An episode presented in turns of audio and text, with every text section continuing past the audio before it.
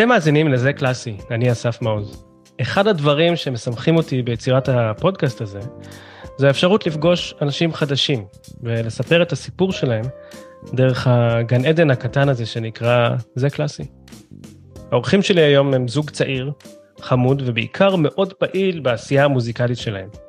אז מיד תכירו אותם, אבל רגע לפני שמתחילים, אל תשכחו לפרגן בלייק לעמוד הפייסבוק של הפודקאסט, או להמליץ עליו לחברים. אז בדרך כלל אני מבקש מהאורחים שלי להציג את עצמם, ואולי כדי שזה יהיה גם מעניין לכם, בא לכם להציג אחד את השנייה? נפלא, נפלא, תתחילי. אני אתחיל? אה, אני אציג את אנדרה, שמנגן סקסופון בדואו שלנו, דואו ירושלים, ג'רוזלם דואו. אה, וואו, אני קצת אה, חסרת מילים כרגע. את יודעת מה, אני אעזור לך רגע. מה נגיד התכונה שאת הכי אוהבת אצל אנדרי? הוא מצחיק. אוקיי, מעולה. בעיקר. אנדרי, בא לך להציג את הילה? בטח. אה, הילה אופק, נבלנית, אה, אשתי היקרה, אה, בת זוגתי גם לחיים וגם לעבודה המוזיקלית, אה, ובן אדם שאני הכי אוהב בעולם. אתה זוכר איך הכרתם? איך נפגשתם?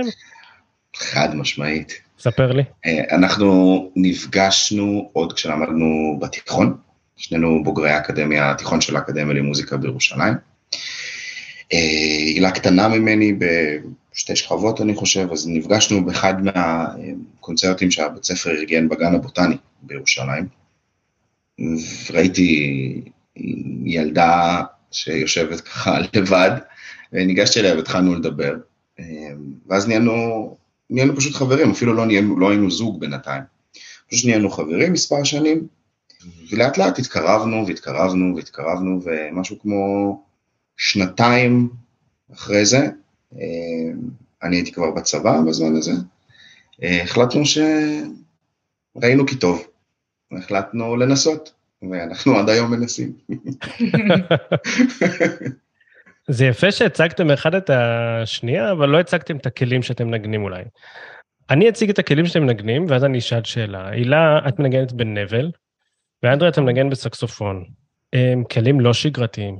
נגיד, כשאחותי הקטנה רצתה לנגן בצ'לו, אז אבא שלי אמר לה, אין סיכוי צ'לו, כי אני צריך להסיע אותך כל החיים. אז מה אומרים על נבל? אז אני אגיד לך את האמת, אימא שלי אמרה כמעט אותו דבר. Uh, התגובה הראשונה הייתה לא. אחר כך הציעה לי לנגן גיטרה. ניסיתי קצת, לא, לא התחברתי. Uh, אני למדתי גם פסנתר לפני שהתחלתי לנגן נבל וגיטרה ופסנתר לא הלך ביחד, ציפורניים, פה צריך ציפורניים ארוכות, שם המורה רצתה שהן יהיו קצרות. אה, זה הכל היה בגן אחד גדול, ואני חושבת שאמא שלי קיוותה שאחרי חודש, חודשיים אני אחזור ואגיד, אוקיי, טוב, אז, אז בוא נבחר כלי אחר, מה שלא קרה. אה, נראה לי שבדיעבד היא שמחה שהתעקשתי, אני מקווה לפחות. אני חושב אולי שרגע, בוא נתעכב שנייה, נספר למאזינים, נבל זה כלי מאוד לא פשוט בעצם. יש 47 מיתרים, המון עבודה לא רק של הידיים, אלא גם של הרגליים בעצם. על כל נכון. אחד משבעת הצלילים בסולם הצלילים יש פדל. נכון. התחלתי יחסית בגיל לא צעיר, אבל לא, לא מבוגר. כמה מסובך היה לך לתפוס את השליטה על ההגה? התחלתי בגיל 11. אני חושבת שהרבה פעמים אנשים שומעים נבל וחושבים שזה הכלי הכי מסובך בעולם. אני לא חושבת שהוא כלי מסובך בהרבה יותר מאשר כלים אחרים. אני יכולה להגיד שהרבה פעמים כשאנדרה ואני מנגנים ביחד, אני מסתכלת עליו וזה נראה לי נורא מוזר שהוא מנגן ופתאום הוא אומר לי לעשות את הצליל הזה ככה או אחרת, יצבוע כזה או יצבוע אחר, ואני מסתכלת ואני אומרת, איך הוא בכלל יודע מה הוא מנגן? הוא לא רואה את הצלילים. מה זאת השאלה המוזרה הזאת לעשות את זה ככה או אחרת? תנגן דו וזהו, כאילו, אני מסתכלת על הנבל, אני רואה את המיתרים. וזה מה שאני מנגנת, אין לי כל מיני התלבטויות מוזרות כאלה, בעיניי זה הרבה יותר פשוט. מאשר כלי נשיפה נגיד, כשאתה לא רואה את הצליל שאתה מנגן אותו. ואנדרי, למה בעצם, איך הגעת לסקסופון? מה המשיכה? זה כלי גם כן, היית יכול לבחור כל כלי נשיפה אחר בעצם בעולם הקלאסי. סקסופון קלאסי הוא לא כלי רגיל. הסיפור שלי הוא, הוא מתחיל עוד לפני שבכלל הגעתי לנגן בסקסופון, כי בעצם אני מגיע מבית uh, של uh, חינוך רוסי, ולכן uh, זה, הייתי חייב בכל מקרה לנגן על משהו. Uh, עלינו לארץ בשנת 91, בזמנו אני הייתי בן שלוש, זה היה קצת מוקדם מדי להתחיל, לכן התחלתי בגיל ארבע, שנה לאחר מכן. ממש uh, גיל הגיוני. גיל בגרות, זה כבר טיפה אפילו מאוחר מדי.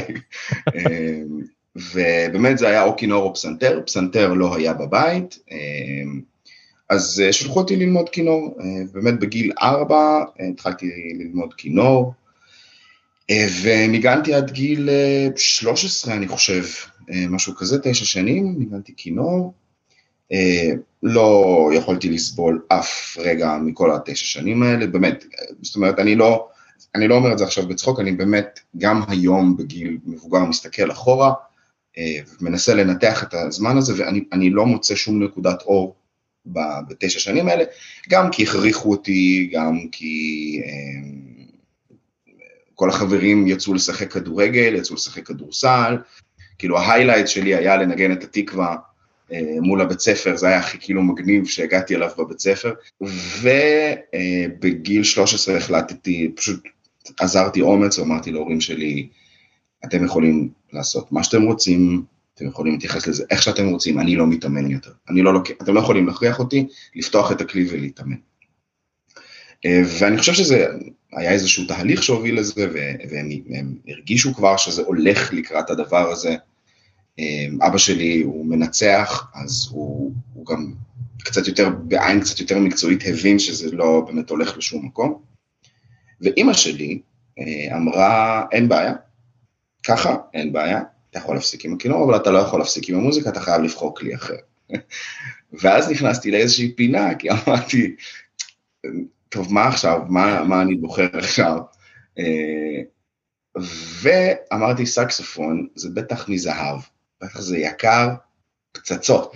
בטח הם לא יוכלו בחיים להרשות לעצמם סקסופון. Little did I know, ואמרתי, אוקיי, סקסופון, אז אמא שלי גם אמרה, אתה חייב לדבר עם כל המורים שלך. אז דיברתי עם המורה שלי לכינור, נפרדתי ממנה, הלכתי לדבר עם, עם המורה שלי לסקסופון, עם פרופסור גרש גלר, עכשיו זו חוויה בפני עצמה ללכת לדבר איתו בגיל 13 ולבקש להיכנס לכיתה שלו, אבל לשמחתי, הוא, בזמנו לצערי, היום לשמחתי, הוא הסכים, ובאמת קנו לי סקסופון, וקנו לי כלי מאוד מאוד מאוד יקר, שאני עד היום בעצם מנגן עליו. וזהו, ועשיתי לעצמי מלכודת ונכנסתי לזה, התאהבתי בזה קצת יותר מאוחר, שזה סיפור בפני עצמו, ואני לא יודע כמה זמן יש לנו. לא, אני, אני סקרן בעיקר לדעת איך אתה היית נער או שהתחלת לנגן, אבל באמת סקסופון משוייך באסוציאציה לעולם הג'אז. אבל נכון. בחרת מסלול של סקסופון קלאסי. נכון. בחרת מסלול של סקסופון שלא מאלתר, אלא ממש נכון. כלי ש, שמחפש יצירות, למרות שאין הרבה יצירות שכתובות לכלי הזה. ידעת מה אתה בוחר, או ש... אם לומר את האמת, לא. אני לא חושב שבזמנו ידעתי שיש בכלל... זאת אומרת, בזמנו, מבחינתי, א', רוב המוזיקה ששמענו בבית הייתה מוזיקה קלאסית. לא כל כך שמענו ג'אז בבית, שהוא בגלל אבא שלי שהוא מנצח, אז מדי פעם היה איזה אוסקר פיטרסון, או היה איזה משהו כזה, אבל, אבל זה אף פעם לא היה איזה אישו של הנה, זה ג'אז, זה קלאסי, זה ג'אז. זאת אומרת, רוב הזמן הייתה מוזיקה קלאסית, ואז מבחינתי, כששמעתי ג'אז, אז זה היה עוד איזשהו סגנון מוזיקלי, אבל אפילו לא התייחסתי לזה בתור סגנון מוזיקלי, ולכן לא באמת יכולתי להבדיל אה, איפה עובר הגבול בין הסגנונות. אגב, אני חושב שזה משפיע עליי עד היום, ולכן כשבגיל 13 בחרתי לנגן סקסופון, לא היה לי מושג שאני הולך בעצם לקראת סקסופון אה, אה, קלאסי. זה התברר לי בשלב מאוחר יותר. אני מאוד אוהב את המילה הזאת, איפה עובר הגבול, אני מיד חוזר אליה, אבל אני רוצה רגע לדבר עליכם כעל זוג. אמ, אני מכיר הרבה אנשים שעובדים יחד, עסק משפחתי. זה לא דבר פשוט. זה לא דבר פשוט להביא את העבודה הביתה, או מהבית לצאת לעבודה. זאת אומרת, יש איזשהו חוסר דיכוטומיה כזה, אין הפרדת גבולות. אני סקרן לדעת, האם אתם דווקא חושבים שזה שיפר את הזוגיות שלכם, זה שאתם מנגנים ביחד? האם זה הביא אולי בזכות המוזיקה ליכול לתקשר טוב יותר? אה, אני חושבת שהתשובה המוחלטת לזה היא כן. אה, והתשובה הקצת יותר מורכבת לזה היא שאנחנו עדיין לומדים. אה, אנחנו, אני חושבת שאנחנו במין תהליך כזה ש, שהתחיל באמת כשהתחלנו לנגן ביחד, ובעצם אף פעם לא היה רגע שבו ישבנו וניהלנו שיחה ואמרנו, אוקיי, אנחנו ננגן ביחד, החיים שלנו ייראו ככה, המטרה שלנו היא כזאת, הדרך שלנו היא 1, 2, 3, ויאללה, בואו נצא לדרך ונלך ל... לטרוף את העולם ביחד. לא הייתה שיחה כזאת, זה... אולי, אולי הייתה צריכה להיות, ואולי החלטות כאלה חשובות בחיים, זה מין משהו שמדמיינים ש, שיושבים ומדברים עליו, ו, ובאמת מחליטים ומסכימים על משהו ועל דרך, אבל בעצם הדברים הם כמעט קרו מעצמם, מן הסתם ברור שאנחנו דחפנו לכיוון מסוים, וכשהבנו שגם טוב לנו עם הסיטואציה הזאת של לנגן ביחד, אז לקחנו את זה בשתי ידיים וחיבקנו את, ה, את הדבר הזה ודחפנו אותו קדימה. אבל אה, זה התחיל באמת מאהבה גדולה. אה, ואני חושבת שזה היה המפתח לכל ההצלחה הזאת של לעבוד ביחד כזוג. אה, זה לא שאין קשיים, יש קשיים, יש אה, הרבה קצרים בתקשורת ש... אה, איך אני אגיד את זה? עולים בעיקר בחזרות, בתוכניות חדשות. זה לא פשוט לעבוד כזוג, אם יש זוגות ששומעים אותנו וחושבים שזה מתכון מנצח, אין לנו אותו, אני חושבת שכל זוג שעובד ביחד יעיד שצריך למצוא את הדרך לבד, כי אין איזשהו ספר חוקים שאפשר לעקוב אחריו ולסמן וי על הדברים. אבל אני חושבת ש-so far אנחנו מרגישים במקום אה, די בטוח ויציב וטוב מהבחינה הזאת של לעבוד ביחד כזוג. כשבדרך כלל בזוגות, לא קשור להופעה, מתפתחת דינמיקה מסוימת, נגיד, סתם אני אומר עכשיו בהכללה גסה, כן? הוא זורק את הזבל, היא מכינה את האוכל, הוא אחראי על זה, והיא זאת אומרת, תמיד יש איזה משהו כזה שלאט לאט נוצר המטלות של כל אחד. כשזה מגיע לעולם המוזיקה, או לעולם העשייה כדואו, איך זה מתבטא? או שאין כזה דבר אצלכם? זה לגמרי, זה לגמרי חלוקת המטלות לגמרי אה, נשארת אה, כאילו זהה או, או קורית גם בתוך אה, עולם המוזיקה לגמרי, יש חלוקת מטלות. אה, אני חושבת שהאינסייד ג'וק שלנו, אם אני יכולה להגיד אותו בקול רם, אני לא יודע לאן זה הולך, אבל בבקשה. הוא יודע, הוא יודע. זה שאני לא יודעת קצב ואנדרה לא יודע הרמוניה. זה נכון. אז כאילו נכון זה נורא ברור, אם יש איזה...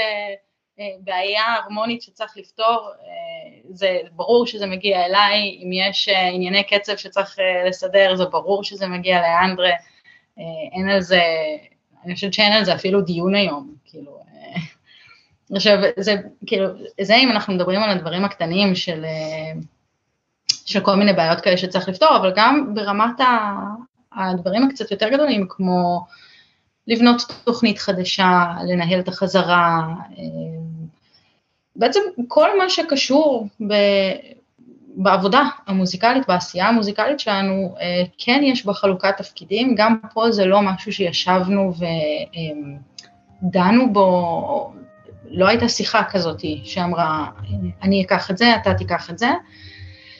זה משהו שקרה עם הזמן, אה, ואני חושבת שאנחנו מצד אחד זורמים איתו, מצד שני גם אה, כן משתדלים לתת לו איזושהי מסגרת. אמ, כאילו, לא להילחם בזה, שלכל אחד יש את התפקיד שלו, בסוף זה נכון, אנחנו בני זוג, אה, מצד שני אנחנו גם קולגות שעובדים ביחד, אנחנו רוצים שהדבר הזה יצליח מבחינה מקצועית, אה, ולכל אחד יש את החוזקות שלו ואת החולשות שלו, ואני חושבת שברגע שלמדנו לקבל את זה ולהכיל את זה, אה, זה מן הסתם אולי כן קצת יותר מורכב כשמדובר בבני זוג, כי אתה, אתה לא יכול לגמרי להתנתק, אתה, אני מסתכלת על אנדרה, אני רואה את הבן זוג שלי, אני יודעת אה, דברים שמישהו אחר לא היה יודע, אה, והאמת היא שבתחילת הדרך שלנו ביחד, אה, נגיד חזרות שהתפוצצו, המסקנה שלנו הייתה בסוף החזרה זה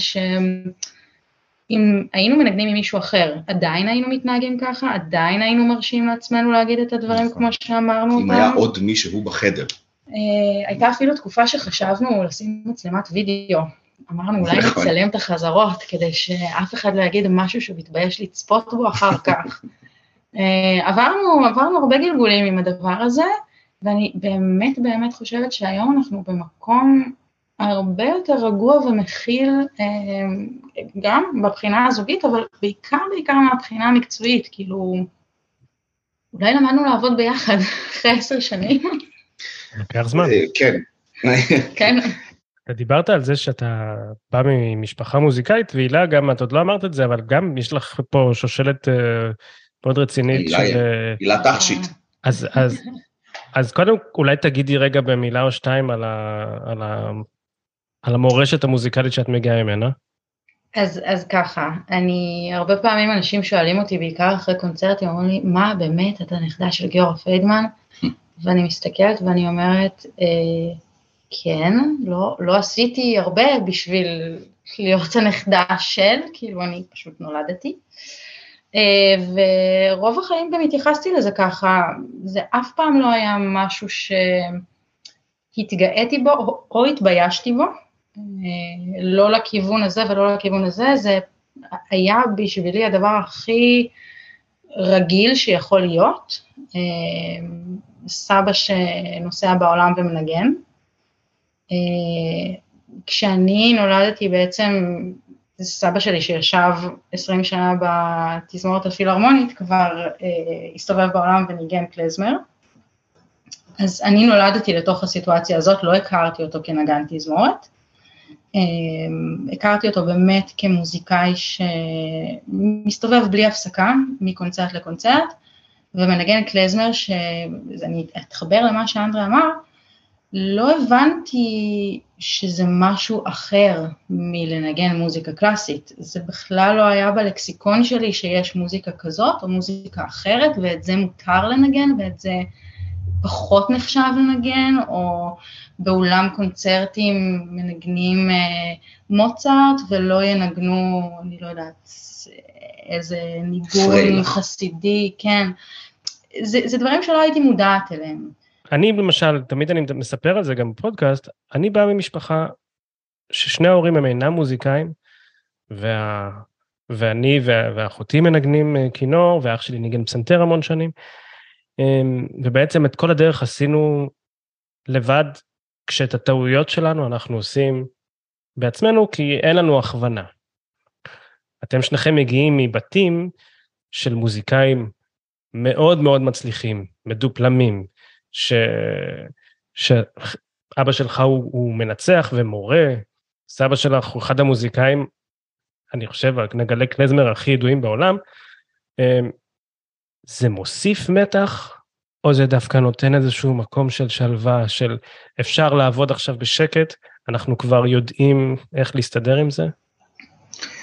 אה, אה, אה, מבחינתי, חד משמעית זה מוסיף מתח. אה, לו הייתי היום יכול לבחור אחרת, אני הייתי מעדיף אה, שההורים שלי לא יהיו, שאף אחד מההורים שלי לא יהיה קשור למוזיקה באיזושהי צורה. למה?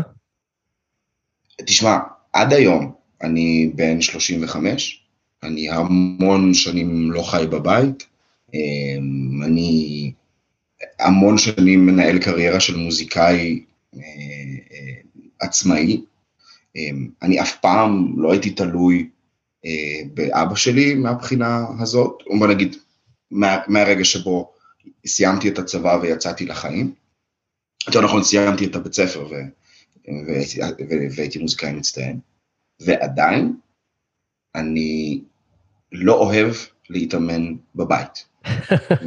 אני לא אוהב, באמת, אני, אני לא מסוגל, לא, לא אוהב, אני לא מסוגל להתאמן אצלו כשאני מגיע לארץ, מעבר לזה שאנחנו מגיעים לחופשה, אבל גם אם יש, גם אם יש איזשהו פרויקט שאנחנו מגיעים בשבילו, אני אעדיף להתאמן אצל הורים של הילה בבית, מאשר להתאמן אצל הורים שלי בבית. אבא שלי לא יגיד לי מילה, הוא לא יבקר אותי, הוא לא, הוא לא יעשה שום דבר בלי שאני אבקש ממנו.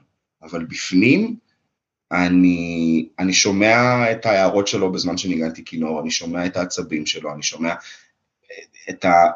אני לא מאשים אותו בזה, אני לא יודע איך אני אתנהג לו אוריאל יחליט אה, לנגן, אני מקווה שאחרת, אה, ואני מאוד רוצה לעבוד על זה, אבל, אבל בסופו של עניין, בסופו של יום, אני לא אוהב להתאמן, לא כשאבא שלי שומע, לא כשאימא שלי שומעת, ואני אגיד לך את האמת, גם לא כשגיורא שומע. זה, זה בדיוק השאלה שלי, נגיד, הכלי שלך, הסקסופון, יחסית מאוד קרוב לקלרינט. זאת אומרת, הם לא מאותה משפחה, אבל מאוד דומים. נכון. ואני מבין את החשש, אבל דווקא אני רוצה לשאול את זה מדרך הפוכה. האם עזרת אומץ, או בכלל לא צריך אומץ בשביל זה, ולגשת לגיורא ולשאול אותו להכוונה, ל- לרעיון, לכיוון, זאת אומרת, בכל זאת מדובר במוזיקאי מאוד מאוד, אה, לא רוצה להגיד גיורא, גדול, אבל...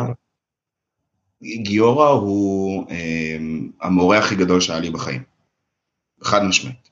אה, אה, הוא אף פעם לא נתן לי שיעור, זאת אומרת, אף פעם לא למדתי אצלו באופן רשמי, אבל למדתי ממנו אה, אה, כמעט את כל מה שאני יודע היום, אה, למדתי ממנו איך לא, למדתי הרבה יותר איך כן, אנחנו בקשר מאוד מאוד קרוב, ניגענו ואנחנו עוד מנגנים המון ביחד, ואני עדיין ממשיך ללמוד ממנו, אבל בעצם, בעצם אצלנו, ביחסים שלי ושל גיורא, זה תפקד קצת כמו כמו שזה מתפקד במוזיקה בהודו, שיש את המורה שהוא הגורו, והוא לא אומר לך תשים את האצבע פה, תיתן קצת יותר אוויר, זאת אומרת, זה הכל מ-watch and learn. תסתכל, תשמע, תחזור, תיישם. אין נכון, לא נכון, תיישם. אז באמת, בהתחלה, אני חוזר לזה שאמרתי שהתאהבתי בכלי שלי בשלב יותר מאוחר, אז התאהבתי בכלי שלי כשפגשתי את גיאור. אני פגשתי אותו בגיל 18, קצת לפני הצבא, דקה לפני הצבא, באמת בקיץ האחרון לפני הצבא. אמ, הוא הזמין אותי לנגן, הוא שמע אותי באיזה קונצרט שגם הילה נגנה בו בבית ספר, והזמין אותי לכיתות אומן שהוא היה עושה אז בצפת, וראיתי אותו, וראיתי את מה שהוא עושה ואיך שהוא עושה, וזה, שוב, אני שוב אומר קלישאה, אבל זה פשוט היה נכון, זה כמו, אתה יודע, אפקט כזה של אור, אמרתי, הנה, זו האמת. זה, זה מה שאני בפנים רוצה, רק אני לא ידעתי להגיד את זה במילים. אה, ובעצם מאז התחיל הקשר שלנו, אה, והוא הוא פשוט המורה הכי גדול שהיה לי בחיים. בלי להוריד בכבודו של המורה שלי, אה, של גרש, או של המורים שהיו לי אחריו, או של של אבא שלי, שהוא עד היום סמכות שאני ניגש אליה כשאני צריך לעשות עיבוד למשהו, או כשיש איזשהו משהו תזמורתי יותר, או משהו קצת יותר קלאסי, אה, זה, אבל גיורא הוא חד משמעית.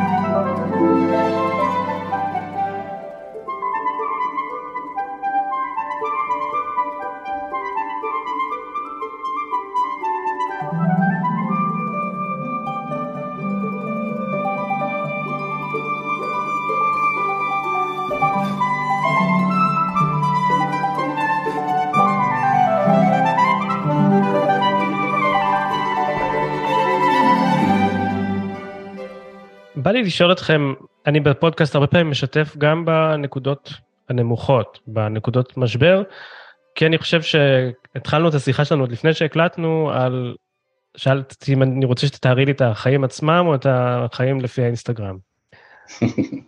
בא לי לשאול אתכם, אולי בא לכם, אם בא לכם לשתף, על איזושהי נקודת משבר או נקודה נמוכה, לאו לא, לא דווקא המשבר, נקודה נמוכה, שמתוכה דווקא צמח משהו אולי שהבנתם, שלמדתם, שלקחתם הלאה, שאתם אולי רוצים להעביר אותו גם הלאה. אז אני זרוק אות, אבל אמ, אני חושב שאפשר להתחיל בעצם מהדבר האחרון הגדול באמת שהיה, אה, שאני בטוח שהשפיע לא רק עלינו, אלא על כל העולם ועל כל הקולגות שלנו אה, ברחבי העולם, בין אם הם אה, נגני תזמורת או נגנים, אני קורא לזה עצמאיים. כמובן, התקופה של הקורונה שתפסה את כולנו לחלוטין לא מוכנים ולא ערוכים. ו... בכל העולם, אנחנו אמנם כבר עשר שנים גרים בגרמניה, שהתרבות ו- וזה וזה והכל, אבל גם בגרמניה אה, התרבות והקונצרטים החיים אה, וההופעות היו בתחתית, תחתית, תחתית סולם העדפות, והם הראשונים שנסגרו אה, והאחרונים ש- שאיכשהו חזרו, ועד היום בעצם מנסים לחזור. לשגרה שלהם, ולכן כש... אני לא אשכח את התאריך הזה בחיים שלי, ב-15 במרץ 2020 אה, התחילו מפל של ביטולים, אה, אני, שבועיים, במהלך שבועיים, אנחנו איבדנו משהו כמו 90 קונצרטים. זאת אומרת, oh. בין 80 ל-90 קונצרטים, חלקם נדחו, אה, חלקם התבטלו לחלוטין, סיורים, אנחנו היינו אמורים לטוס לטוקיו, אה, סליחה, לאוסקה, לתחרות מאוד נחשבת באוסקה שהתקבלנו אליה, וכבר, ופשוט בשבועיים האלה הכל התרסק. אה, אז קודם כל, אני לא אשקר, השבוע הראשון היה לא רע, כי פתאום יש לך שבוע בבית, בלי רגשות אשם, שאתה לא עובד ולא זה, ואתה נח, אבל אחרי זה באמת די מהר הגיעו דאגות, כי שוב, בשביל רוב הקולגות שלנו, אבל, אבל אני אדבר כרגע בשבילנו, הופעות חיות, ואני מתעקש על הופעות חיות, הם לא רק מקור ההכנסה שלנו, הם לא רק מזה אנחנו חיים, הם באמת מקור החיים במובן הרחב של המילה הזאת, הם האוויר שלנו לנשימה. התקשורת עם הקהל, לראות את הקהל, להרגיש את הקהל, זה כמו מטען של, זה, זה, זה מטעין אותנו להמשיך. ולכן כשזה נלקח מאיתנו, אמ, שזה נאסר עלינו לעשות, אז נשארנו עם מעט מאוד אופציות. נכון, אפשר היה לעשות סטרימינג, אפשר היה, כל זה התחיל להתפתח, אבל כל מי שניסה את זה, אני בטוח יעיד שזה, לא רק שזה לא אותו דבר, זה פשוט, זה, זה זה שני אה, מקצועות שונים, זה, זה, זה, זה מלאכה שונה. ולכן אמרנו לעצמנו, אוקיי, אנחנו עכשיו בנקודה הכי נמוכה שאנחנו יכולים לדמיין, אין לנו עבודה, אין לנו קהל, מה אנחנו עושים? אה, ואנחנו גרים בבניין שכל השכנים בו הם, זה כמו, זה כמו קומונה אחת גדולה, כולם מכירים את כולם, וזה גרמניה, אני מזכיר, כן? זה לא אה, ישראל, זה גרמניה. זאת אומרת, אה, פה חלק מה... אם שכנים לא מכירים אחד, אם, אם כבר השכנים כן מכירים אחד את השני, הם פונים אחד לשני בשם המשפחה אה, אה, וב, ובאדון וגברת. אז בבניין שלנו זה לא ככה. כולם גרמנים, אבל כולם, לכולם יש מפתחות לבתים של כל השאר, למקרה שמישהו נוסע לחופשה, כולם מכירים את כולם בשם, כולם לוקחים חבילות של אמזון שמגיעות אחד לשני, זאת אומרת זה מין איזו קומונה כזאת, ואנחנו נכנסנו לבניין הזה, ושנה אחרי זה התחילה הקורונה. ואז נתקענו בבית, ויום אחד אנחנו מתאמנים, אני יוצא החוצה, פוגש אה, שכנה ואומרת לי, תגיד, אתם מתאמנים בכלל בבית לפעמים? ואני אומר, עכשיו, אני כבר נלחץ, כי אני אומר לו, עכשיו אין לי כוח שהשכנים יתחילו להתלונן.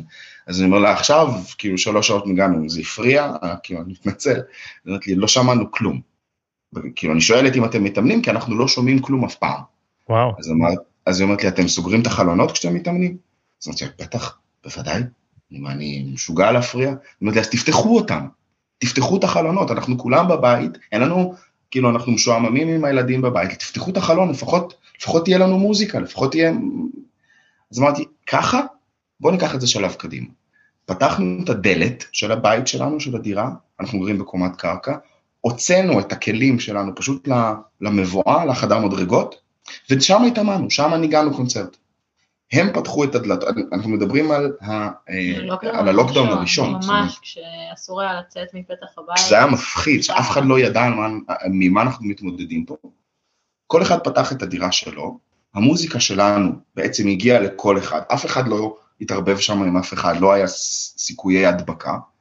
הם מחאו לנו כפיים, אנחנו קיבלנו מהם את האנרגיה, ובעצם, בעצם זה היה ווין ווין. זאת אומרת, הבנו שיש לנו פה משהו. יש לנו פה אופציה להופיע בלי לסכן אף אחד. אמ, ואז באמת התחלנו, השמועה התפשטה, עשינו כמה פעמים ששידרנו את זה באינסטגרם ובפייסבוק שלנו, ואז התחילו להגיע פניות, בואו תנגנו אצלנו. השכן שלי, יש לו בניין מפואר, השכנים, וכל פעם זה היה כזה, איפה במינכן, איפה בהמבורג, איפה בברלין. עכשיו, עם כל הכבוד, אנחנו לא יכולים להרשות לעצמנו לנסוע לכל המקומות האלה. השגנו תמיכה ממשלתית לפרויקט הזה, מין קרנות כזה שחילקו בזמנו, וניגענו משהו כמו 40 קונצרטים כאלה בחדרי מדרגות ברחבי כל גרמניה, אה, וזאת הייתה באמת מבחינתנו הצלחה מסחררת של הדבר הזה, תוך כדי הקלטנו דיסק של התוכנית של ניגענו בחדרי המדרגות, שזה הדיסק הריינבו, הדיסק האחרון שלנו, אמ, ואני חושב שמעבר, שוב, מעבר להצלחה העסקית, נקרא לזה בגרשיים, במרכאות, מעבר להצלחה העסקית שזאת הייתה ההצלחה הזוגית שלנו. אה, כי הבנו שאם אנחנו, גם כשאנחנו בהכי הכי הכי נמוך, כל עוד יש לנו אחת את ה, אחד את השנייה ושנייה את האחד, אמ, אנחנו, אנחנו פאוור, כאילו אנחנו, אנחנו נפרוץ את זה, אנחנו נצליח. אמ, אז זו, אני חושב שזאת הנקודה האחרונה באמת שהתחלנו למטה ועלינו למעלה. אני גרתי גם בגרמניה עשר שנים, אתם גרים בגרמניה עשר שנים, היום המצב בישראל אה, שביר, נפיץ, כל אחד והדעה הפוליטית שלו. המון אנשים מדברים על, אני אעבור לגור בחו"ל. אמ, מה החוויה שלכם של, איך, איך הייתם מתארים את החוויה של לגור בחו"ל? יש לכם ילד קטן? אין uh, משפחה סביב שעוזרת לגדל? Um, אני אתאר את החוויה שלי אגב, כי אני גרתי בברלין עשר שנים. זה מאוד כיף, אסקפיזם מושלם, אבל תמיד הרגשתי עדיין חיצוני לסיטואציה, נקרא לזה. לא התייחסו אליי כאל זר, אבל לא הייתי, אמ, נאמר, בן בית במאה אחוז. זאת אומרת, בעיניי מהגר תמיד נשאר מהגר, לא משנה אם אתה מרגיש בבית. ואני סקרן לשמוע את, את, ה, את נקודת המבט שלכם כ, כזוג, כמשפחה, שכבר חיים המון זמן גם כן בגרמניה. אני חושבת, דבר ראשון, שנקודת המבט שלנו השתנתה מאוד אחרי שנהיינו הורים. אה, יש הבדל מהותי בין להיות ברשות עצמך ולדאוג אה, אני לעצמי ואני לאנדרה ואנדרה לעצמו ואנדרה לי, אבל אנחנו שנינו אנשים בוגרים, זה דבר שונה לחלוטין מאשר uh, ההבנה שיש פה עוד ילד קטן שהוא עכשיו תלוי בנו, ופתאום עניין הזרות, שאני מזדהה מאוד עם, עם מה שאמרת, עניין הזרות נהיה מהותי. Uh, המחשבות על, על זהות uh, נהיות אחרות, על מה, מה אנחנו רוצים להקנות ל... לילד שלנו, איך אנחנו רוצים להתנהל בבית, איך אנחנו מתנהלים בחוץ, כל מיני שאלות שלא חושבת שהעסיקו אותנו הרבה לפני שהפכנו להורים.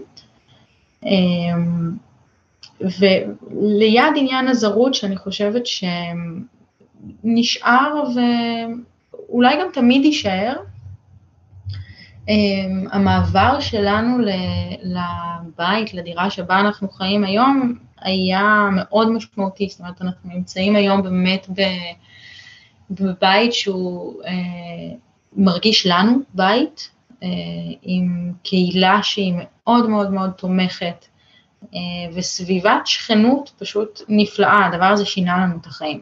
אה, אני, אני לא מגזימה כשאני אומרת שהדבר הזה שינה לנו את החיים באופן כללי, ו, ובפרט בהסתכלות על החיים שלנו בגרמניה ועל איך אנחנו מרגישים, איך אנחנו מצליחים להרגיש בכל זאת בבית, במקום שאנחנו זרים לו ושהוא זר לנו. בעיניי יש לנו איזושהי קבלה של הדבר הזה, שיש פה איזושהי זרות והיא כנראה תישאר, אה, ואנחנו קצת לומדים לחיות איתה. ההסתכלות שלי היא טיפה שונה, ואני חושב שזה פשוט מגיע מהסיפור אה, חיים שלי בעצם. אה, לי אין בעיה להיות זר. אני עליתי לארץ אמנם בגיל מאוד מאוד מאוד צעיר, לא, הייתי בן שלוש, אבל עליתי בתקופה, אה, או יותר נכון, המשפחה שלי עלתה בתקופה אה, שהגיעו המון זרים כמונו אה, לישראל. אני מניח, אתה, אתה מבוגר ממני בכמה שנים, mm-hmm. ולכן, אני מניח, אני מניח עכשיו לא כל כך הרבה, ולכן אתה כנראה אפילו זוכר את אותם ילדים שהגיעו לבית ספר, והיו שונים, והיה להם שמות שונים, אה, והם אכלו אוכל שונה והתלבשו שונה ודיברו מוזר, אה, וההורים שלהם לא דיברו עברית, אה, וגם ההורים שלהם לפעמים עבדו כמנקים בבית ספר, זאת אומרת, ו- ו- והקהילה באותם שנים בעצם לא הייתה מוכנה לקלוט כל כך הרבה אנשים מבחינת הפתיחות שלנו, שהיום אולי זה היה עובר טיפה, טיפה אחרת. ולכן התחושה שהילדים ואפילו הצוות החינוכי נתן לנו, או לי, נשאר אצלי עד היום. זאת אומרת, אני עד היום, גם קוראים לי אנדרי. בוא, כשאני מציג את עצמי בישראל כאנדרי, למרות שאין לי מבטא רוסי, אני לא מדבר במבטא, כשאני מדבר קשה לדעת שמתי אני לא בא מרוסיה. אבל כשאני אומר שקוראים לי אנדרי, זה ברור מאיפה אני מגיע. אמ, ובגרמניה? אז זהו, אז, אז מה שאני רוצה להגיד שגם בארץ בעצם אני כאילו עדיין מרגיש זר, אני עדיין לא מרגיש, אני לא מרגיש מאוד מאוד ישראלי, אני מניח שהילה מרגישה הרבה יותר ישראלית ממה שאני מרגיש בארץ. נכון. ולכן להיות לא גרמני בגרמניה, לא, זה לא חדש לי, אני, אמ, זה לא מרגיש לי משהו, זה לא מרגיש לי לא נכון, זה לא מרגיש לי משהו זר, אני מאוד שלם עם זה, אני מאוד רגוע לגבי זה, אני, אני מאוד מקבל את זה, אני יודע שאני לא גרמני, אני יודע שאני אף פעם לא אהיה גרמני, אמ, מצד שני אני גם יודע שאני לא מאוד ישראלי, אבל אני בטח גם לא רוסי. אז שאלת הזהות שלי היא הרבה יותר גדולה, והפסיכולוג שלי אה, בנה לעצמו מרפסת אה, מהנושא הזה.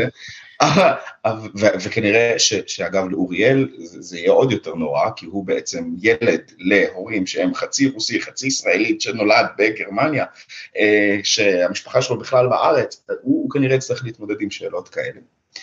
אה, ולכן החיים מבחינתי בחו"ל הם לא שונים אה, בהרבה מבחינת ההרגשה הפנימית מאשר אה, שהייתי חי בישראל.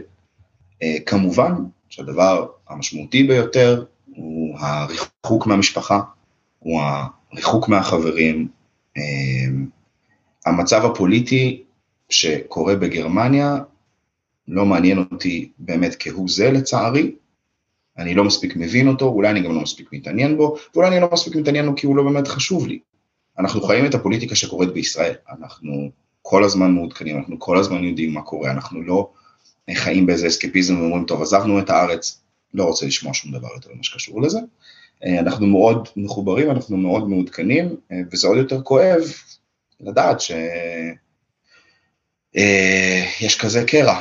שוב, כל אחד והתפיסה הפוליטית שלו, אבל הקרע הוא קיים ואי אפשר להתכחש אליו, וזה כואב גם ממרחק של אלפי קילומטרים. דיברת מאוד יפה על הזהות של אוריאל, הבן שלכם, ואני אשאל את זה כשאלה, כשאלה כפולה. אחת, כשמגדלים ילד, לא יודע אם לקרוא לו ישראלי בגרמניה, או ילד צעיר לא מאוד במדינה זרה, על איזו תרבות, על איזו שפה מקפידים יותר. והשאלה המתבקשת היא, האם אתם תכווינו אותו לנגן כלי, או שתגידו, תודה רבה, הבנו את עולם המוזיקה, בוא תעשה משהו אחר ותלך להייטק. האידיליה, מה? תראה, מבחינת שפות, אה, אה, זה Google Translate מהלך, כי הוא, אני מדבר איתו רוסית, הילה מדברת איתו עברית, בגן הוא מדבר גרמנית, הוא היום בן שנתיים, הוא עדיין לא מדבר, הוא גם גדל עם שלוש שפות, הוא כנראה התחיל לדבר בבר מצווה, אבל הוא, אה, כאילו, הוא, הוא כזה מילים פה ושם, הוא כן אומר, אז נגיד, לא, הוא אומר בגרמנית, הוא אומר ניין, ניין, ניין, כשהוא לא רוצה משהו, כן, הוא אומר ברוסית, הוא אומר דה, דה, דה, ועוד הוא אומר בעברית, הוא אומר עוד, עוד. אז כנראה שאיכשהו איכשהו הדברים כן נקלטים אצלו, והוא מבין הכל בשלושת השפות. האידיליה לגבי המוזיקה, אני חושב שאנחנו ביחד בעניין הזה, כן נרצה לחשוף אותו, כן נרצה לחשוף אותו, ל... הוא בעצם, אני חושבת שהוא כבר? הוא חשוף, כבר היום חשוף, אנחנו בדיוק. בעצם כן, אין פה איזה עניין של אה, יום אחד נספר לו שזה מה שההורים עושים, אה, הוא יודע, הוא מכיר, הוא מתיישב הוא ומנגן על הנבל לפעמים. אה, הוא מאוד אוהב להסתכל על הסקסופון, זה חלק מהחיים שלו, זה חלק אינטגרלי מה- מהחיים שלו כרגע. כן. אה, הוא נוסע איתנו לקונצרטים, הוא כבר מקשיב גם לפעמים בקונצרטים, אה, לפעמים גם אה, משתתף קצת. אה, כאילו זה, אין לו, אין לו הרבה ברירה, אני אגיד את זה ככה. אני אוהב לסיים את הפרקים שלי ב... בהמלצה, בבקשה להמלצה. אבל דווקא מכם בא לי uh, לשאול אתכם שאלה אחרת לסיום. זו שאלה, שוב, שאלה כפולה, אבל היא בעצם בעיניי אותו דבר. יש לכם, מה החלום שלכם כזוג? מה החלום שלכם כדואו? וואו.